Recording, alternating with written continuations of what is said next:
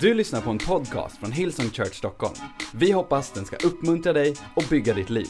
För att få mer information om Hillsong och allt som händer i kyrkan, gå in på www.hillsong.se. Dagens predikan heter, är ni med i Göteborg och Jönköping? Ta av dig kläderna. Och det har inget att göra med att det snart är sommar och så att det snart är vår och att en del av oss tycker att vi borde legat, legat lite mer i fas med våran sommarträning. Men ta av dig kläderna, inte nu. Och inte de kläderna.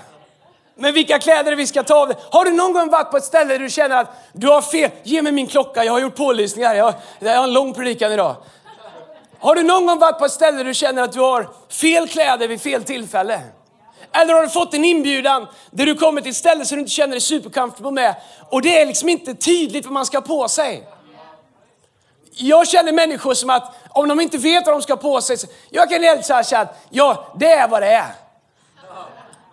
Om jag är overdressed eller underdressed, det är vad det är. Men att komma till sammanhang där man inte riktigt vet, poolparty, vad händer? All right, vad ska man ha då? är det poolparty eller är det liksom ett party och det finns en pool eller vad är det? Högtidligt, hur högtidligt?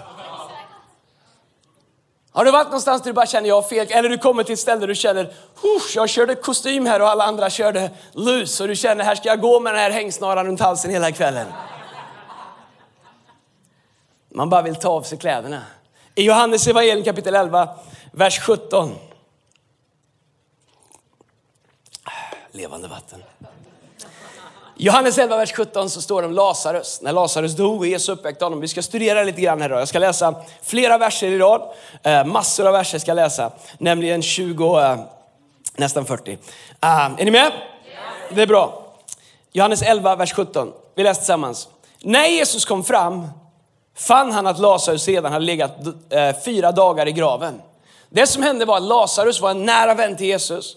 Marta och Maria som är, som är släkt eh, sänder eh, bud till Jesus och säger Jesus, han du älskar är sjuk. Senare får de reda på att han dör. När han har varit död i två dagar så vill de att Jesus ska komma och, och, och, och väcka upp honom.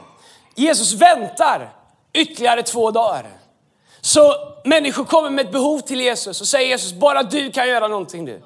Och det Jesus gör är att han sätter sig ner och väntar i två dagar. Har du någon gång känt att när du behöver Jesus som mest så känns det som att han kommer som långsammast? Så Jesus han väntar fyra dagar. Varför gör han det? Vi kommer tillbaka till det. Betania låg nära Jerusalem, ungefär tre kilometer därifrån. Många judar hade kommit ut till Marta och Maria för att trösta dem i sorgen över deras bror. När Marta fick höra att Jesus hade kommit gick hon ut och mötte honom, men Maria stannade hemma. Um, Marta sa till Jesus, Herre, om du hade varit här skulle min bror inte ha dött. Men nu vet jag att Gud kommer att ge dig vad du än ber om. Jesus sa, din bror ska uppstå. Marta svarade, jag vet att han ska uppstå vid uppståndelsen på den yttersta dagen. Hon tänker sen när Jesus kommer tillbaka för andra gången. Jesus sa, jag är uppståndelsen och livet. Det hon inte förstår är att uppståndelsen har precis kommit. Ibland så väntar vi på ett fenomen vi nedvärderar det faktum att han som är det vi behöver är mitt bland oss och väntar på de fenomen som vi tror att han kan göra.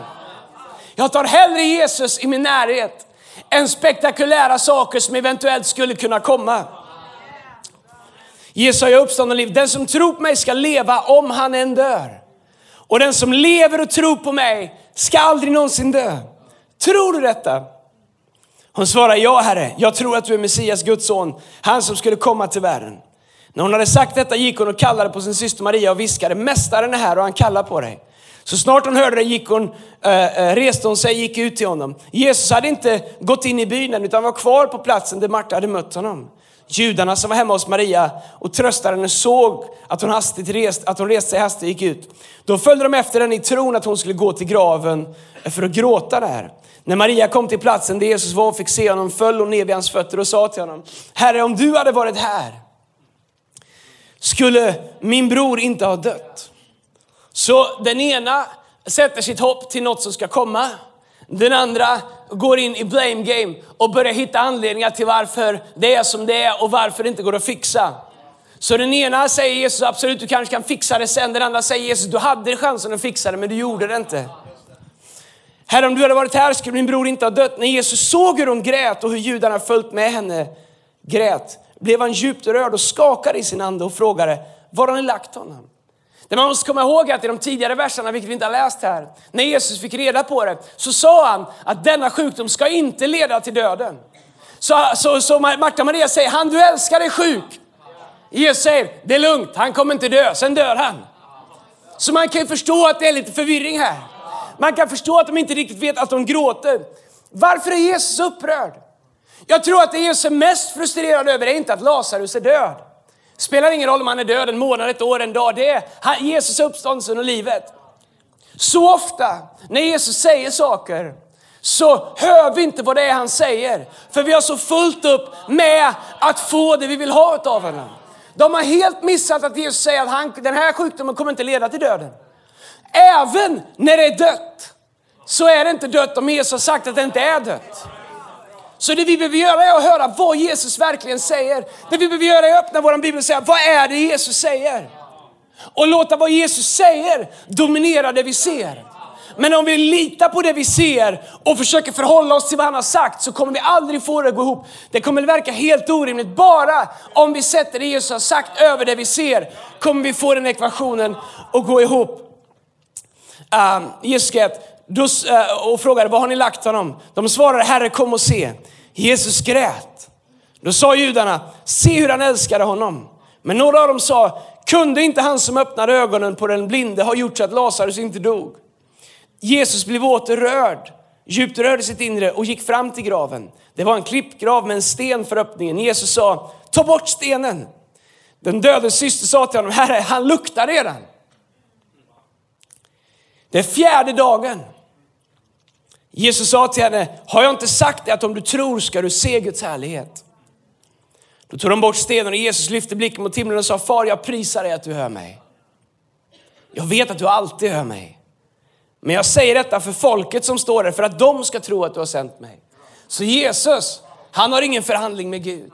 Han håller fortfarande kvar i det han har sagt, att det här kommer inte leda till döden. Så det Jesus säger, Gud jag vet att, för för, du och jag har ingen issue, det spelar ingen roll att det gått fyra dagar. Så Gud, jag, jag ber inte det här för att jag behöver det. Jag gör det för att de ska se din härlighet. Så Jesus han, han, han pratar med Gud och folkets väg. Han säger, och för att de ska tro att du har sänt mig. När han hade sagt detta ropade han med hög röst. Lazarus. Kom ut! Då kom den döde ut med fötter och händer inlindade i bindlar. Han var en mumie och med ansiktet täckt av en duk. Jesus sa till dem, gör honom fri och låt honom gå. En annan översättning säger, ta av honom kläderna och låt honom gå. Lazarus kommer ut, han har varit död i två dagar när Jesus får reda på det. Jesus väntar ytterligare två dagar. Lazarus är en av Jesu bästa vänner. Maria säger att han är den som du älskar. Men Jesus väntar i två dagar till efter, för att han ska komma. Varför gör han det? Jo, eh, eftersom den judiska traditionen och den judiska tron och historien så, så, så räknas det att man är inte riktigt död förrän det har gått tre dagar. Hur länge var Jesus död? Tre dagar. Vilken dag uppstod han på? Tredje dagen. Han kunde inte ha uppstått på andra dagen. Därför att då hade judarna sagt att han var inte riktigt död. Så när Jesus får höra att han är död på andra dagen så säger Jesus, jag ska vänta till tredje dagen och en dag till. Så att det är alldeles uppenbart för allihopa att han verkligen är död. Han är död fysiskt, han är död enligt sederna, han är död enligt traditionerna, han är död enligt judendomen. Han är död. Okej? Okay? Samtidigt säger han att den här sjukdomen ska inte leda till döden. Jesus ville att Lazarus skulle dö. Jesus ville att Lazarus skulle vara död. Inte bara döden, att, att han kom tio minuter efter han dog och fick liv i honom. Inte en halvtimme, att han inte andas på en halvtimme och fick liv i honom. Han ville att det skulle vara uppenbart att Lazarus var död. Jesus ville att Lazarus skulle dö. Marta och Maria ville inte att han skulle dö. Marta och Maria ville att Jesus skulle hålla kvar Lazarus och inte låta honom dö. De försöker med mänsklig kraft få Jesus att hålla fast i Lazarus. De försöker med mänsklig kraft att få Jesus att liksom hålla fast vid Lazarus så att han inte dör. Vet du vad jag upptäckt? Här är egentligen summan av det jag ska prata om idag. Jesus kan inte ge liv till det som vi vägrar låta dö.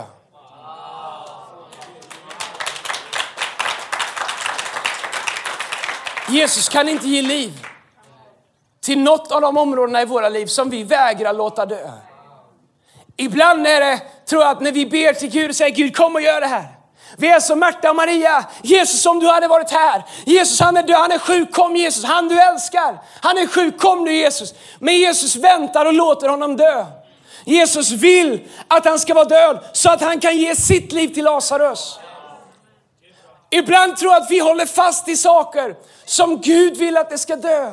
Kanske attityder, kanske upplevelser, kanske saker i våra liv, kanske säsonger som är klara. Saker vi håller fast i. Som är säger, hej, det där är klart, jag vill att du ska låta det dö. Kanske till och med saker som en gång var en välsignelse, som hörde till en säsong. Men vi håller fast i det. Vi vill att Gud ska ge nytt liv till det. Jag menar ingenstans är det mer uppenbart än i kyrklig tradition. Come on, oh, om det bara kunde bli som det var på Levi Petrus tid. Oh, om det bara kunde bli som det var när Ekman var som bäst. Åh, om det bara kunde vara som på Georg Gustafssons tid. Om det bara kunde vara som en del är tillbaks, liksom, det ska bli som de första apostlamötet 300 år efter Kristus. Åh, om vi bara kunde lite, rita lite mer med aska i pannan, om det kunde vara som det var.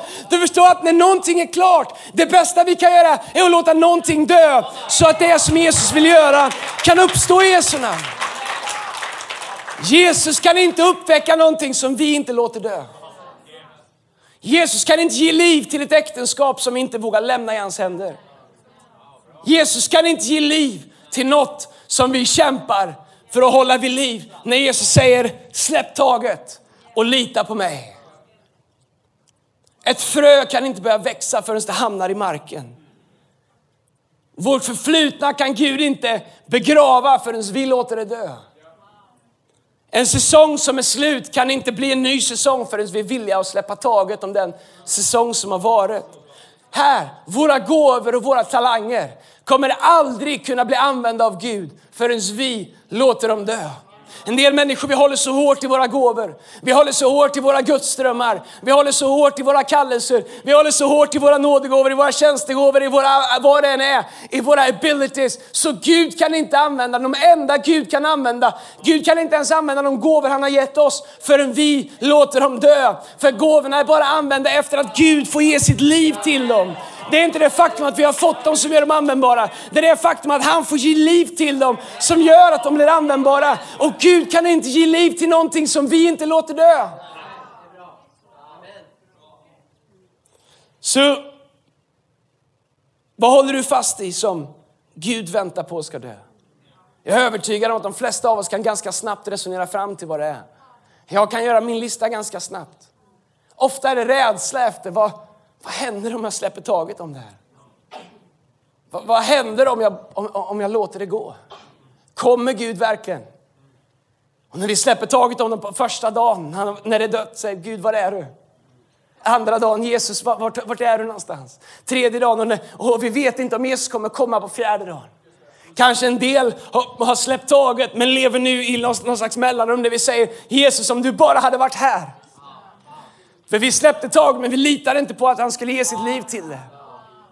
Så jag skrev ner några saker om det här som jag tänkte kanske kunde hjälpa oss. Vad händer med det som Gud vill använda som vi vägrar låta dö?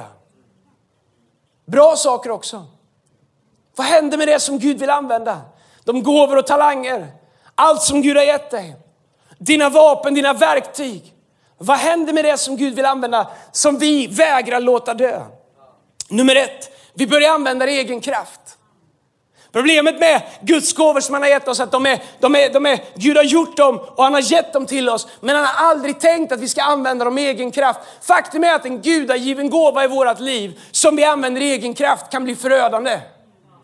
Därför att vi har fått gåvan vi behöver också få kraften för att använda dem. Och den kraften kommer bara komma, har jag upptäckt, när jag låter min gåva dö. Så att Jesus kan säga, gåva, kliv upp och gå. När jag låter den dö, när jag låter mitt frö falla ner, bara då kan Gud ge liv till den. Och bara då kan den börja leva i den kraft. Så det faktum att jag identifierat att jag har någonting är inte tillräckligt för att det ska bli använt. Utan det är när jag fullt ut vågar ge den till Gud. Men när jag inte vågar låta någonting dö så att Gud kan ge liv till det, då börjar jag använda egen kraft. Och jag ser en del människor, de kämpar och de kämpar med goda intentioner, men de har aldrig släppt taget om det. Och får de inte till det på ett ställe så tar de sin gåva och provar på ett annat ställe. Och blir de inte förstådda där, eller inte funkar där, eller kraften inte räcker till, så är det alltid fel på sammanhanget. Har du någon gång tänkt att det kanske finns en kraft som du inte har kommit in i, som kan få din gåva att funka? När du inte gör det egen kraft. Kanske är det så att det som du håller högst, som du säger det här har jag fått av Gud. Kanske är det det som du behöver låta vara död i fyra dagar. Så att Gud kan få ge sitt liv till det. Det andra som händer när vi, med det som Gud vill använda, som vi vägrar låta det, är att Gud vägrar att använda det. Och vi blir frustrerade. Gud säger, jag kommer inte använda det om jag inte får ge min kraft till det, om jag inte får ge mitt liv till det. Jag vägrar använda någonting som inte har dött. När jag var 20 år och började upptäcka mina gåvor så var jag ganska snabb att tala om för Gud vad han borde ju använda dem till. för att jag ville bli använd men också för att jag hade en, en halvgrandios självbild. Därför att mitt liv blev snabbt så mycket bättre än vad det hade varit. Och jag förklarade för Gud hur mycket nytta han skulle ha mig. Och hur bra det vore för honom att använda mig. Och hur liksom, vilka, vilka liksom fördelar för Guds rike det skulle vara om man bara satte upp mig på de stora konferenserna. Jag förstod inte skillnaden mellan att upptäcka en gåva och vara stor i truten med att faktiskt ha gått igenom någonting så att gåvan, så att jag upptäcker att jag har ingen gåva utan en gåva har mig. Jag äger ingenting. Allt tillhör Gud. Det är bara när gåvan får dö och Gud kan komma och säga bra nu när den är död, nu ska jag väcka upp den så man inser att det finns en kraft i den. För mig har det tagit nästan, jag jobbar fortfarande på det 23 år in i det. En del människor säger, nu har jag varit med i kyrkan i tre månader, ingen har upptäckt mig. Well, vi har upptäckt dig, vi väntar bara på att du ska dö. Säg till om du vill ha hjälp. Vi ser vad du har. Vi, ser, vi förstår varför Gud har skickat hit dig. Men om att, bli, om att det är viktigare för dig att din gåva blir använd än vad det är för dig att plantera dig och låta ditt frö falla ner så kommer du leva i sån frustration för Gud använder bara det han har fått ge sitt liv till. 23 år in i det här så är jag absolut övertygad om att Gud använder bara det han får ge sitt liv till. Därför att det är enda chansen som det kommer funka. Vad händer mer med det som Gud vill använda som vi vägrar låta dö? Jag tror att djävulen börjar använda det emot oss. Jesus, hade du bara varit här. Jesus, om, du bara, om det inte hade varit för att jag tror att djävulen hjälper oss och ger oss alla möjliga argument. Och du förstår att jag inte är i funktion för att. Du förstår att jag skulle kunna göra mer, men du förstår att det är så här. Vi börjar öva oss på anledningar. Eller, eller fräs, lögnaren som heter namnet på djävulen börjar ljuga för oss och säga det är fel sammanhang, du är missförstådd. Du behöver hitta någonstans där, där de ser dig, vem du är. Där du verkligen kan få vara den du är, den du, är, den du vill vara. Well, det, kanske den du vill vara inte är den du ska vara. Kanske den du vill vara inte är vem Gud har skapat dig till att vara. Kanske han har tänkt mer. Och när vi inte vågar släppa taget om det som Gud vill ska dös för att han ska kunna uppväcka det i sin kraft, så lovar jag dig i mitt eget liv när jag har hållit kvar i saker och ting, kan vara vad som helst, attityder, men när jag tycker det är min tur eller whatever, tankebyggnader. När jag inte låter det dö så börjar djävulen försöka attacha, till, attacha sig till det och börja använda det emot mig. Så det som Gud har tänkt ska vara ett vapen i min arsenal, det som Gud vill använda, det börjar helt plötsligt användas emot mig. Det som var tänkt för att användas för Guds rike. Det fjärde som händer är när vi vägrar låta någonting dö så att Gud kan ge liv till det, det är faktiskt att Gud släpper taget om det. Bibeln säger att Gud aldrig ångrar sina gåvor, men han är inte tvungen att använda dem. Vet du, det finns alldeles för många människor med alldeles för stora gåvor som inte använder av Gud. Som jag tror, där Gud bara sa att det här går inte, jag kan inte göra någonting med det här. För att det vägrar dö. Och till slut så är det som att Gud går vidare och jobbar med andra människor. För att jag vägrar släppa taget om någonting så att Gud kan ge sitt liv till dig. Och så här, jag, är, jag är ledsen om jag är lite under skinnet på det, men det är absolut meningen. I Johannes 11, 43-44 så, så, så säger, står det så här. När han hade sagt detta ropar han med hög röst, Lazarus kom ut. Då kom den döde ut. Med fötter och händer inlindade i bindlar och med ansiktet täckt av en duk. Jesus sa till dem, gör honom fri och låt honom gå. Med en annan översättning så står det, ta av han kläderna. Take off his clothes. Varför? Därför att Lazarus kommer ut som en mumie. Han är klädd för graven. Men Jesus har uppväckt honom till livet. Han är inte dressed for the occasion. Han är inte liksom klädd för tillfället. Han är klädd för någonting som han har lämnat. Så han kommer ut ur graven. Han är levande, men han är klädd som det han kommer ifrån. Jag har upptäckt att alldeles för många människor blir uppväckta ur graven, men klär aldrig om. Alldeles för många människor är klädda för någonting som har varit. Det är därför Jesus säger, ta av honom kläderna. De kläderna tillhör det som var dött. Nu måste du klä dig i det jag har uppväckt dig till. Varför då? Och det finns massa anledningar. Därför att Bibeln talar om att vi ska iklä oss hans rättfärdighet. Att vi är klädda i hans nåd. Hade jag fått predika på engelska så hade jag sagt Take off your grave clothes and put on your grace clothes. Who? Take off your grave clothes and put on your grace clothes. Det finns alldeles för många människor som lever med sina grave clothes. Men jag är för, åh jag älskar arbete med missbrukare. Arbete med människor som har ett förflutet. Men vet du en av de svåraste sakerna jag har med människorna som, människor som ska göra en ny start ifrån någonting som har varit. Det är när de som ska hjälpa dem, cementera dem i sitt gamla liv. För att åka runt och vara någon slags vittnesbörd. Man ska helst åka runt liksom lite halvgroggig med en kniv i ryggen och, och skeppartatuering och tre prickar här och fortfarande liksom ha gravkläderna på sig. Man, det, ibland är det så att man får aldrig riktigt ta av sig de kläderna och bli det nya liv, leva det nya livet. Medan Jesus säger, det gamla är förgånget, något nytt har kommit, vi är en ny skapelse i Kristus. Det finns människor som blir uppväckta av Kristus från en relation som gick sönder och dog. Och de försöker gå in i ny relationer klädda med kläderna för det de kommer ifrån. Så vad som än händer så liksom är du bara, du är inte dressed for the occasion, du är inte klädd för tillfället. Därför att du tog aldrig av dig kläderna för det som Jesus uppväckte dig ifrån. Ta av dig gravkläderna och iklä dig den nåd som det är att bli levande jord i Kristus. Alldeles för många människor har blivit levandegjorda i Kristus men aldrig klätt sig i det nya livet. Och det uppstår en tension, det uppstår en dragkamp mellan det som har varit och det liv som jag blivit fött in. Det är som att jag aldrig riktigt känner att jag passar in i det nya livet. Det är som att komma klädd för ett poolparty på Nobelmiddagen, det blir awkward. Släpp den bilden. Och du känner, jag passar inte in. Well, det, här, det, det, det, är inte du som inte passar in, det är gravkläderna. Och låt oss titta på de här kläderna lite grann. Hur vet man att man har gravkläderna på sig fortfarande? Well, ett, du är fortfarande klädd för att passa i graven. När Lazarus dog så gjorde man i ordning honom för graven. Man smorde honom, man lindade in honom. Han var klädd för graven. Om du har blivit uppväckt ur Kristus, och när Kristus uppväckte honom, det första Jesus sa efter att han vaknade var ta av de kläderna.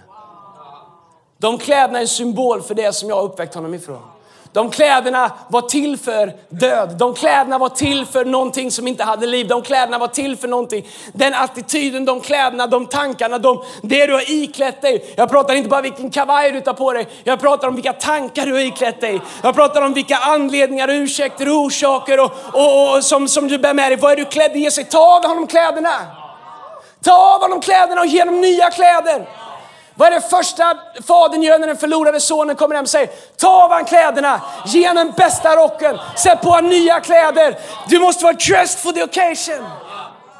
Han var klädd för misslyckande den förlorade sonen. Han var klädd för skam. Han var klädd för fel. Han var klädd för vilsenhet. Han var klädd för nederlag. Men fadern säger, klä om honom. Kläderna måste matcha den nya säsongen. Han säger, min son var död, men han lever igen. Sätt på nya kläder. Hur är du klädd? Vad har du klätt dig i? Har Jesus levande gjort dig? Men du bara känner att det är som att du aldrig du, du liksom hittar inte din plats. Kan det vara så att folk tycker att det är awkward att det är en mumie som går omkring här? För det är exakt det som sker. Det som händer är att en mumie kommer ut. Skrämmer alla barnen. Jesus säger, hej vi kan, vi kan inte ha massa mumier som går omkring här. Vi håller inte på med det som är dött, vi håller på med det som lever. Hade jag varit riktigt frimodig så skulle jag predikat det här. Han sa inte till Lazarus att ta av, honom kläd, ta av sig kläderna. Vem sa han det till? Till de som såg honom. Uh, men vi är svenskar så vi, vi, tar in, vi hjälper inte varandra med sådana saker.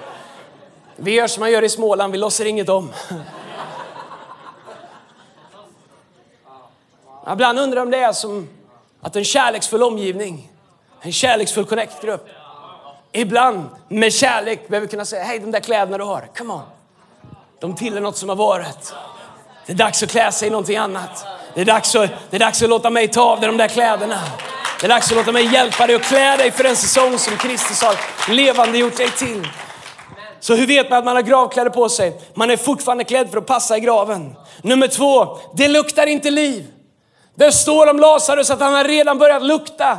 Vet du vad, ibland så bara är det någonting du bara säger, jag vet inte vad det är, det är ingen som vill vara med. Och har du tänkt på att det kan vara att du luktar? Och nu tänker jag inte på din andedräkt eller liksom den Fahrenheit som du sprayar på dig på morgonen innan du åker. Eller vad det är, Brutt 33, come on, tabak. Old Spice.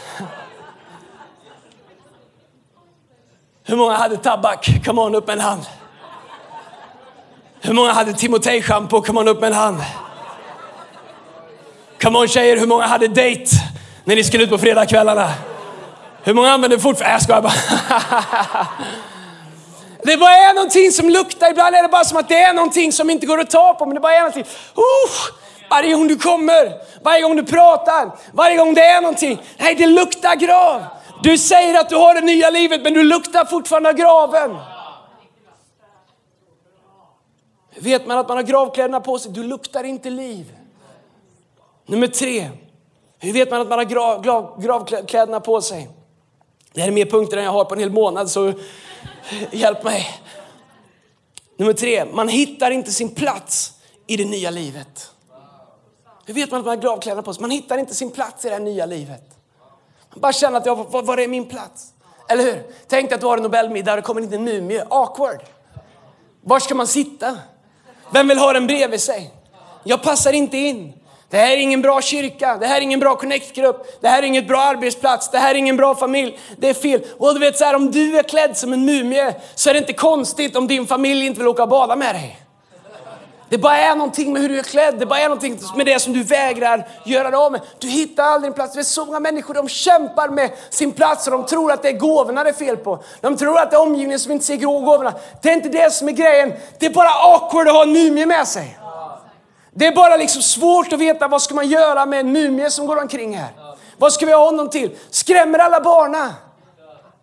Ibland behöver man bara ta av sig de sakerna. Nummer fyra, hur vet man att man har gravkläderna på sig? Här, låt mig bara gå lite mer in till vad det gör med vårt sinne. Och när jag pratar om gravkläderna så pratar jag om vi är fast i graven. Eller om vi har låtit Jesus uppväcka oss till det nya livet. Hur vet man det? Och det här är någonting som jag funderar över. Vad är din första tanke, din reptilhjärnetanke, när du blir utmanad? Vad är din första tanke? Är det en gravtanke? Jesus om du hade varit här, om det inte hade varit för och bla bla bla bla bla. Är det en tanke utan någon som inte har låtit saker dö? Eller är det en tanke från det nya livet? Vad är din första tanke när någon utmanar dig? Vad är din första tanke när någonting händer som du, någon trampar lite på tårna, någonting sker. Vad är din första tanke? Vet du vad våra första reaktioner, våra första tankar, de där vi aldrig säger till någon. De där tankarna som vi hinner kristinifiera så att de, så de låter liksom fina och kyrkliga innan de kommer ut. Men de där första tankarna, vad luktar de? Luktar de grav eller luktar de uppståndelse? Ofta våra första tankar är definierande och signifikativa för vart vi är förankrade. Bibeln säger att vi hjälper en människa hon vinner hela världen men förlorar sin själ. Nummer fem, det du säger och det andra ser matchar inte. Du säger jag är levande jord, men alla ser en mumie. Och ju mer människor ser en mumie, ju mer måste du berätta om hur levande du är. Ju mer måste du forcera fram hur levande du är. Men folk säger, wow, uff, allt jag ser är en mumie. Allt jag ser är någon som luktar illa, som är konstigt klädd och som har ett konstigt sätt att gå. Du vet, så här, det ser ut som någon som är uppväckt ur Thriller som kommer gående här, Michael Jacksons film. Det ser bara awkward ut.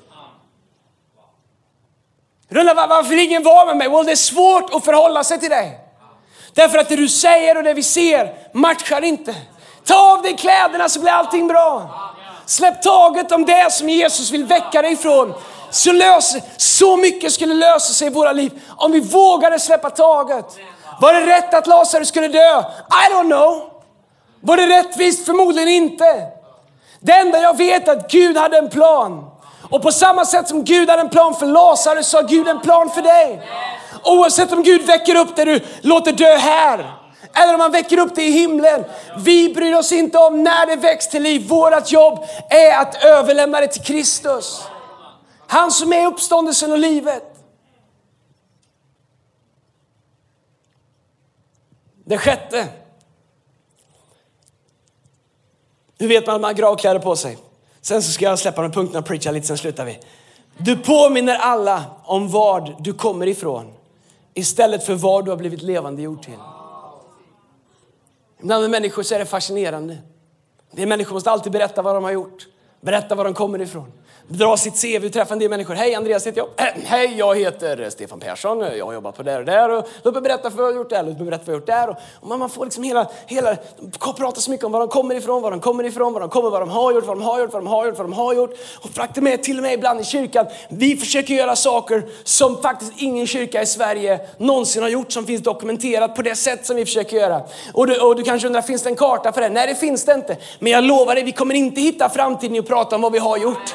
Jag jag vägrar bli en sån som säger, vet du vad, nu är det lite tufft för vi vet inte alltid, när vi, från det att vi har lyft foten så vet vi inte alltid vart vi ska sätta ner den. Så jag lovar det enklaste sättet, och det som en hel del i min situation gör är att säga att det är för bökigt att fortsätta ta steg framåt i det okända. Låt mig starta en rörelse där jag åker runt och berättar för andra om vad jag har gjort och vad de nu ska göra. Men du förstår, ah, om mitt budskap mer handlar om vad jag har gjort än mitt öra är öppet för vad Gud vill att jag ska göra, då lever jag mer i graven än i uppståndelsen. Tack Tack gode Gud för vad Gud har gjort. Men jag tänker inte bygga min framtid på vad vi har gjort. Och får bara säga en sak. Till alla er kyrkor som har blivit en del av, av Hillsong. Här i norra och Göteborg och Jönköping och Örebro och södra. Vilken fantastisk blessing det är. Och en av de sakerna som har gjort det här möjligt, det är att från det ögonblicket som, som jag upplevt att det var Gud i det här, så har det inte handlat om var vi kommer ifrån. Det har inte handlat om vad vi har gjort innan och vi har gjort det vi har gjort, utan det har handlat om vad vill Gud att vi ska göra nu? Och det är det som håller fast oss. Men vet du, vi har haft människor som har kommit till våran kyrka, jag har haft människor som har kommit till mig. Och jag vet alltid hur det ska sluta när de kommer till mig och säger Andreas, jag är så glad att få den här kyrkan. Det här är vad jag alltid har drömt om. Det här är vad jag alltid försökte få min äldstekår att förstå. Redan där vet jag att det här kommer aldrig bli bra hos oss heller. Det här är det bästa. Alright, fine. En månad in i det. Andreas, jag bara tänkte på det. I vår förra kyrka så gjorde vi så här. Vad tror du om det? Nej, det tror jag inte en månad till. Andreas, i vår förra kyrka, då gjorde vi något som var väldigt, väldigt bra. Faktum var att jag höll i det. Och, men, eh, vad tror du om vi skulle göra så här? Nej, vi så fantastiskt, men så gör inte vi. Eh, tredje månaden, Andreas det, det känns inte hemma här längre. Det, det, känns inte, du vet, så här, det känns inte som du värderar var jag kommer ifrån. Och får bara ställa en fråga. Varför lämnar du där du kom ifrån och kom till någonting som är annorlunda? När allt du ville att göra om där du kom ifrån eh, till, och, och liksom göra om det här du har kommit till. Varför stannar du inte där du är?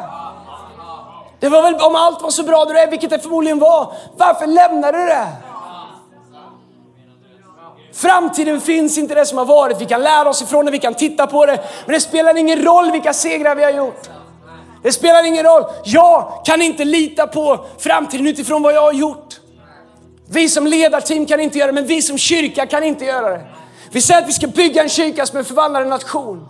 Pastor Brian talar om att gå på vägar där ingen tidigare har gått, och trampa upp nya stigar. Vi pratar givetvis inte om att göra om evangelium och göra om Guds sanningar. Men göra whatever it takes för att människor ska få förstå och få tag på det faktum att Gud vill levandegöra dem. Men om vårt budskap hela tiden är vad vi har gjort och vad vi har gjort och vad vi har gjort och vad vi har gjort och vad vi kan och vad vi gjorde då och vad vi vet och vad vi... Vet du, det bara är någonting som människor till slut bara säger, vad håller du på att prata om graven för? Varför håller du på att prata om det som har varit? Det kanske till och med var awesome då. Men vi behöver alltid leva i det som Kristus levande gör oss till nu. Och vi behöver våga utmana våra hjärtan. Utmana våra preferenser, utmana våra erfarenheter, utmana våran comfort zone och säga Gud, jag vill inte gå och lägga mig i graven igen där jag känner mig rätt trygg. Jag hann vänja mig de här fyra dagarna. Det kändes skönt när jag var ihopbunden, när det var så varmt och skönt och det var så härligt och alla tänkte på mig. Alla grät för mig. Jag var, jag var på allas tankar, allas läppar. Och Gud, sen du uppväckte mig och tog med kläderna så jag har blivit som alla andra igen. Well, du lever, det är det som är skillnaden.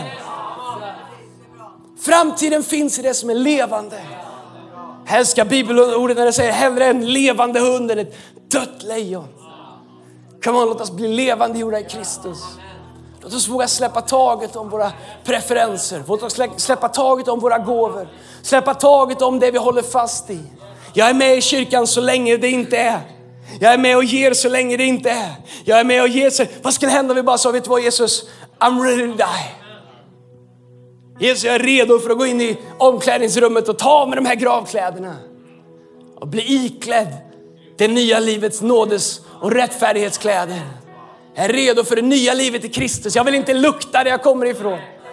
Jag tänker inte gå runt absolut fantastiskt vad Gud gjorde 1900 eller du vet så här 1875 i mitt liv. Men du vet det är awesome. Vi har hört det vittnesbördet nu. Det är awesome. Men har han inte gjort någonting sedan första världskriget i ditt liv? Finns det ingenting mer du kan prata om? Finns det inget som är nytt? Come on, vi måste vara en kyrka som lever i det Gud gör nu. Idag är frälsningens dag. Idag är glädjens dag. Rättfärdighetens sol går upp med läkedom under sina vingar idag. Idag är en dag av nåd. Idag är en dag av liv. Idag är en dag av kraft. Idag är en möjlighet att leva det nya livet i Kristus.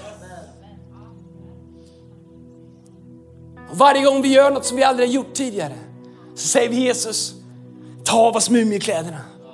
Vi vill inte vara klädda för det som har varit. Herre, klä oss för det som kommer. Ja, det är en utmaning ibland. Ibland är det svårare att byta kläder efter success än efter misslyckande. Jag säger inte att vi är success, men några saker har Gud gjort. Ibland kan det finnas en frestelse i våra liv och känna en slags mättnad och behålla våra kläder på, sätta oss ner och tycka att de här kläderna blir bra. Det här blir bra. Vet du vad? Gårdagens kläder kommer inte hjälpa dig imorgon. Vad är det i ditt liv som du måste våga låta dö?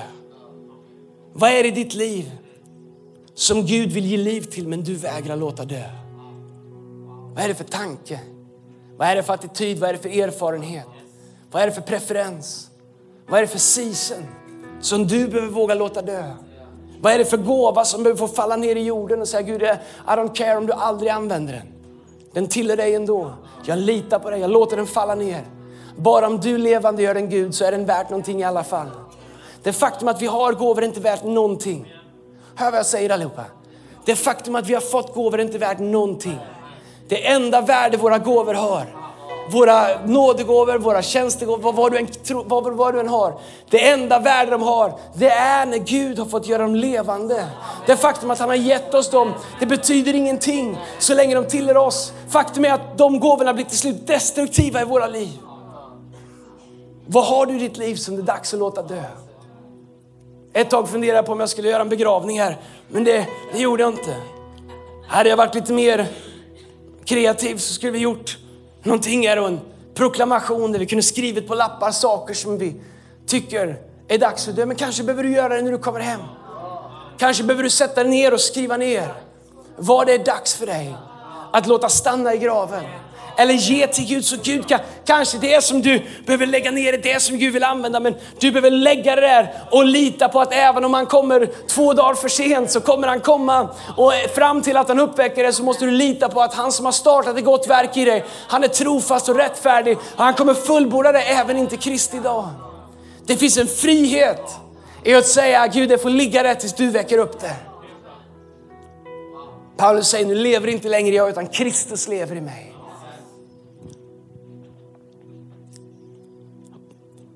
Och I Filipperbrevet så säger Paulus, för mig är livet Kristus och döden är en vinst.